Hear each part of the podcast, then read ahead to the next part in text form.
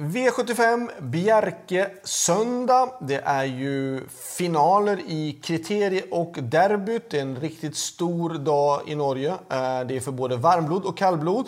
Eh, lite grann favoritbetonat blir det ju såklart eh, när det är finaler så här i de här årgångsloppen. Men det är fina hästar i Norge, det är det faktiskt. Men lite risk att det blir favoritbetonad omgång. Vi börjar V75 1 där då nummer två Overvik Prinsen var jättebra när han vann det svenska eh, kriteriet. Eh, det är så att kallblod kan gå i både svenska och norska kriterium och derby så de tävlar i de dubbla. Eh, och nu är det då norska kriteriet. Och Overvik Prinsen tycker jag är ett bra spikförslag. Vill man gardera, ja då är den här nummer 9 Brennebraute som är värst emot i sådana fall tror jag. Med spik på 2, varning på 9. V75 2 är ett, eh, ett eh, långdistanslopp och den som är riktigt bra på långlopp är nummer 15 Imperator Am. Eh, han är en spik tycker jag. Han har varit ute och mött de allra bästa i långloppen och en jättefin häst och möter eh, inte alls samma nivå på motstånd den här gången.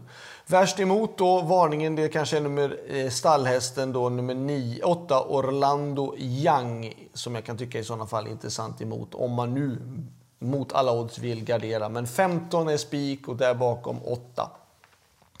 V75 3. Uh, här är det då för varmblod-kriteriet och då är det nummer 1 Pow Wow, 2 Just Like Heaven och 3 Charon som är mest intressanta. Framförallt 1 och 2. Uh, eh, där bakom är det 3 Charon och eh, 9 uh, Klinger skulle jag säga som är varningen i sådana fall. Men 1, 2, kanske 3 och om man vill ha titlar häst så tar man nummer 9. V75 4 är ett kallblodslopp och vanligt kallblodslopp med tillägg. Och eh, här ska vi fläska på med ganska så många streck. Vi ska ta med nummer 1 Grisletore. 2 Brännerön som jag vann med senast på Romme, var jättefin då. 3 Horgenlynnet, 4 Tangenfrick, 5 Västlepetter. Sen efter det från 20 meters tillägg nummer 9 Grislefaxen, 11 Trollsolen, 12 Grizzly Odin och 13 Stumne Fyr. Så ganska många hästar i den fjärde avdelningen. 1, 2, 3, 4, 5, 4, 5 ja. Och där bakom 9, 11, 12 och 13. V75 5. Eh, kallblod igen och eh, derby. Och eh, då så är det en häst som är överlägsen i det här loppet. Det är nummer 2 Bränneborken. Um, helt överlägsen och en väldigt bra spik. Um, den som är värst emot då i sådana fall är då nummer ett Bore Mickel som är varningen i sådana fall. Men för mig är det spik på två Bränneborken ut och in. V75 6 är snabbloppet och 4 Fado 7 var ju bra i Åby Stora Pris och har ju ett perfekt utgångsläge. Uh, fem eller sex Best of Dream Trio var ju jättedålig på Rättvik, men vi vet ju vad han kan när han fungerar. Uh, och sju Power har ju, liksom, blir ju mer och mer i form.